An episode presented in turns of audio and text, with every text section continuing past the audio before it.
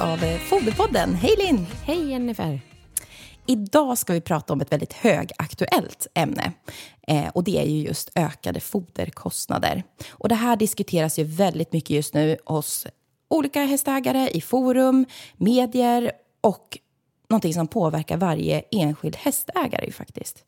Och vi vet inte hur detta kommer påverka hästägandet över tid. Eh, men vi tänkte ändå under dagens avsnitt röra vid ämnet och ge lite praktiska råd vad man faktiskt kan tänka på som hästägare. Ja, och jag tänker det att alltså just nu så påverkas ju priserna på nästan allting just nu. Eh, och för en hästägare så är det ju både på grovfoder och kompletteringsfoder som priserna börjat stiga under början på 2022 där vi befinner oss nu då. Eh, och samtidigt är just fodring en väldigt viktig del för hästen ska må bra. Eh, och såklart då som foderutgivare så rekommenderar ju vi såklart över att man ska se över sina utgifter som hästägare som inte enbart ser till de liksom, ökade foderkostnaderna utan det finns ju mycket i hästägandet som kostar pengar. Eh, vad kan man dra in på och vad är nödvändigt för hästen?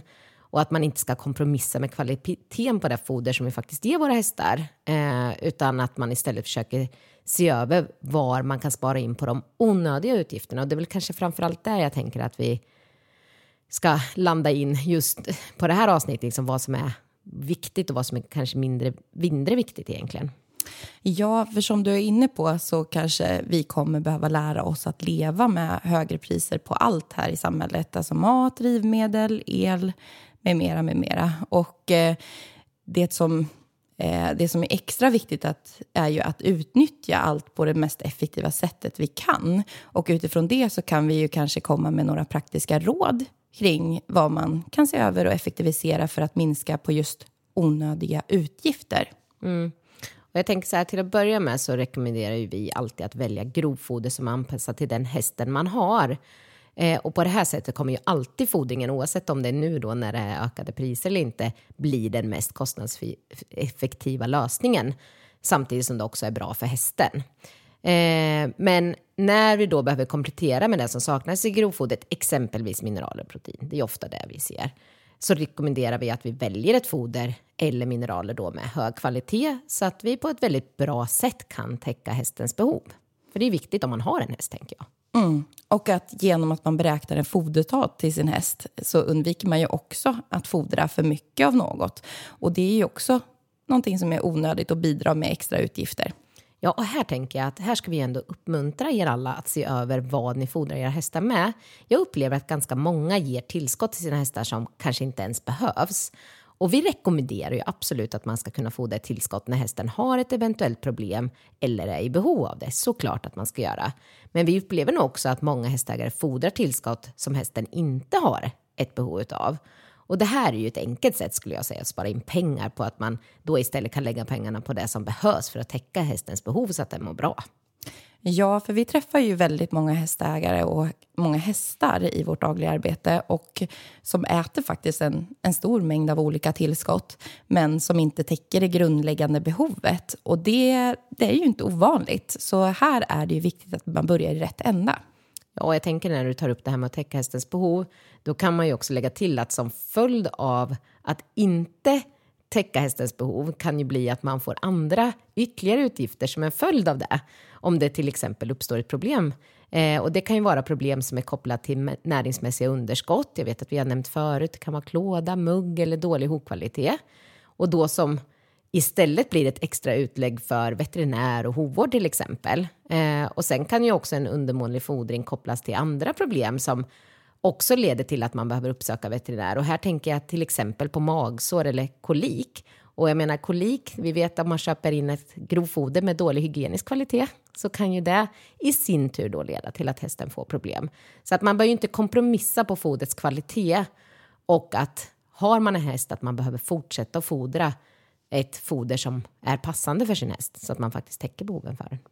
Ja, sen är det ju så också att det behöver ju inte, den dagliga kostnaden behöver ju faktiskt inte bli större om man väljer ett väl anpassat grovfoder av bra hygienisk kvalitet tillsammans med ett bra anpassat koncentrerat kompletteringsfoder. Eh, om vi till exempel tar ett exempel som vår Naturmysi Solo eh, i vårt sortiment eh, som är en fiberbaserad foder med lågt socker och stärkelseinnehåll av hög kvalitet. Och eh, den ger man ja, till en stor 500 kilos häst 800 gram per dag. Och då räcker det vanligtvis för att täcka hästens vitamin och mineralbehov tillsammans med ett grovfoder av medelkvalitet som, som vi ofta ser. Och eftersom en låg Eftersom det är en låg giva och du då slipper komplettera med ytterligare vitaminer och mineraler så blir det ofta en lägre daglig kostnad faktiskt än om man får fodrar med större givor och med flera olika typer av foder och tillskott. Så bra kvalitet behöver ju faktiskt inte alltid heller vara dyrare. Eh, återigen, spara in på rätt saker. Och jag tänker så här, vad kan vi ge för praktiska råd där då? Eh, vad kan vi spara in på? Ja, en viktig sak som jag tycker vi ska nämna är ju spill kopplat till lagring och utfodring av våra hästar. Så många gånger Ehm, så ser vi just att hästar som står och trampar ner sitt fina grovfoder i leran. Och här kan vi undvika stora förluster och spara väldigt mycket pengar genom att fodra hästarna i foderhäckar och andra typer av foderlösningar som gör just att hästarna inte kan dra ut fodret på marken och trampa ner det i leran och kissa och bajsa i det. Och detsamma gäller ju även för hästar som får mer foder än vad de faktiskt äter upp. Och det är ju någonting vi verkligen ser ofta. Och har man en häst som alltid lämnar två kilo i grovfoder, äh, grovfoder i boxen under natten, så minska på fodermängd du lägger in, för det sparar mycket pengar. Och är det så att den har svårt att hålla hull, ja men då måste man hitta andra lösningar. Mm. Ja, men alltså, jag tänker just att se över alla de här typerna av lösningarna i sina stall för att man inte köper in fint grovfoder och sen riskerar att slänga upp till kanske 20 procent under vintern för att det uppstår spill både under kanske lagringen och utfodringen och hanteringen. Så det blir ju väldigt mycket pengar på ett år. Alltså grovfoderutgifterna, eller kostnaderna är ju dyra och de går upp så man ska ju vara rädd om det fodret man har tänker jag.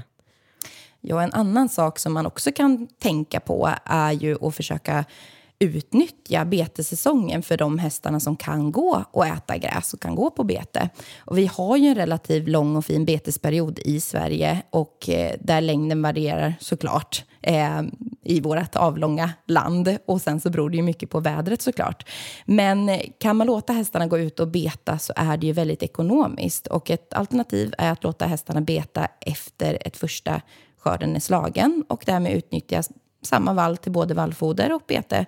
Och genom att ha hästarna ute och att de betar gräset själva så sparar vi ju in på dieselkostnader och plast som annars är stora utgifter för att konservera fodret. Och man kan ju faktiskt många gånger ha hästarna längre på betet än vad man tror. Ja, och bara man ser till att täcka hästens behov vad det gäller till exempel mineraler på betet, det har vi haft ett helt avsnitt om. Men att, att utnyttja betessäsongen, jag tycker det är väldigt bra för de hästarna som klarar av det helt klart. Mm. Eh, du nämnde plastat foder också och här tänker jag att det är viktigt att tänka på TS-halten i fodret och sen att man gör upp med producenten om man ska betala per kilo TS eller per kilo foder. För är fodret väldigt blött, det vill säga att det innehåller mycket vatten, så kanske ni ska komma överens och betala per kilo TS. Och det är ju ändå bra att stämma av innan då dels fodergivaren blir större om hästen äter blött foder jämfört med torrt foder. Och sen så tänker jag också att man verkligen inte betalar bara för massa vatten om det är väldigt blött foder. Och det tycker jag också är viktigt att tänka på om man står inackorderad. Eh, om det ingår till exempel 10 kilo totalt sett, det kan ju göra jätteskillnad om ni har en liten liten, alltså om ni, om ni har ett väldigt blött grovfoder eller om ni har väldigt torrt grovfoder, vad 10 kilo motsvarar hur mycket hästen faktiskt måste få i sig för att täcka sitt, sitt behov av torrsubstans i foderstaten. Ehm, och har man ett foder med ett högt eh, näringsinnehåll både av energi och protein så kan det ju också vara lämpligt att dryga ut grovfodergivan med halm. Det kan ju vara ett sätt också. Och det, det är ju väldigt bra för lättfödda hästar och ett sätt att reglera näringsintaget för dem samtidigt som att halm erbjuder också ökad tuggtid eh, och fibrer för hästen. Mm. Jag tänker om vi ska sammanfatta lite de råd som vi har gått igenom i dagens avsnitt, så då är ju våra viktigaste tips kanske som vi kan gå igenom eh, att eh, ett, välja ett grovfoder som är anpassat till den hästen du har. Två, att man beräknar en foderstat. Eh, det är viktigt att vi täcker hästens samtliga behov och det gör vi då genom att beräkna en foderstat och att vi inte lägger till något för säkerhets skull, utan lägg till det som faktiskt behövs för att hästens behov ska täckas och undvik tillskott som inte hästen behöver. Tre, att inte tulla på kvaliteten på fodret för att det i sin tur kan leda till ökade veterinärkostnader. Och det, detsamma gäller ju då underskott och obalanser i foderstaten så att man inte slarvar med att täcka hästens behov.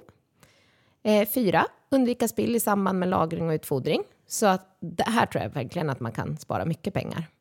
Eh, fem, utnyttja betesperioden som du var inne på Jennifer. En jätteviktig punkt. Eh, sex, kom överens med en grovfoderleverantör om du ska betala ditt foder per kilo foder eller per kilo TS. Och eh, sju, dryga ut foderstaten med halm om du har ett grovfoder med högt näringsinnehåll eller om du har en lättfödd häst där du kan erbjuda halm som en del av grovfodergivan. Ja, det här är ju några handfasta tips på vad man kan göra för just spara pengar. Och om du vill ha hjälp med att optimera din häst foderstat eller bara för fler tips och råd kring just hur det ser ut hos dig, så kontakta oss gärna. Och då är våra telefonnummer 0413 486 100 eller så mejla oss på info för vi har ju kostnadsfri rådgivning. Jajamän. Du, tack så hemskt mycket för idag Jennifer. Tack så mycket. Ha det gott allesammans. Hej då.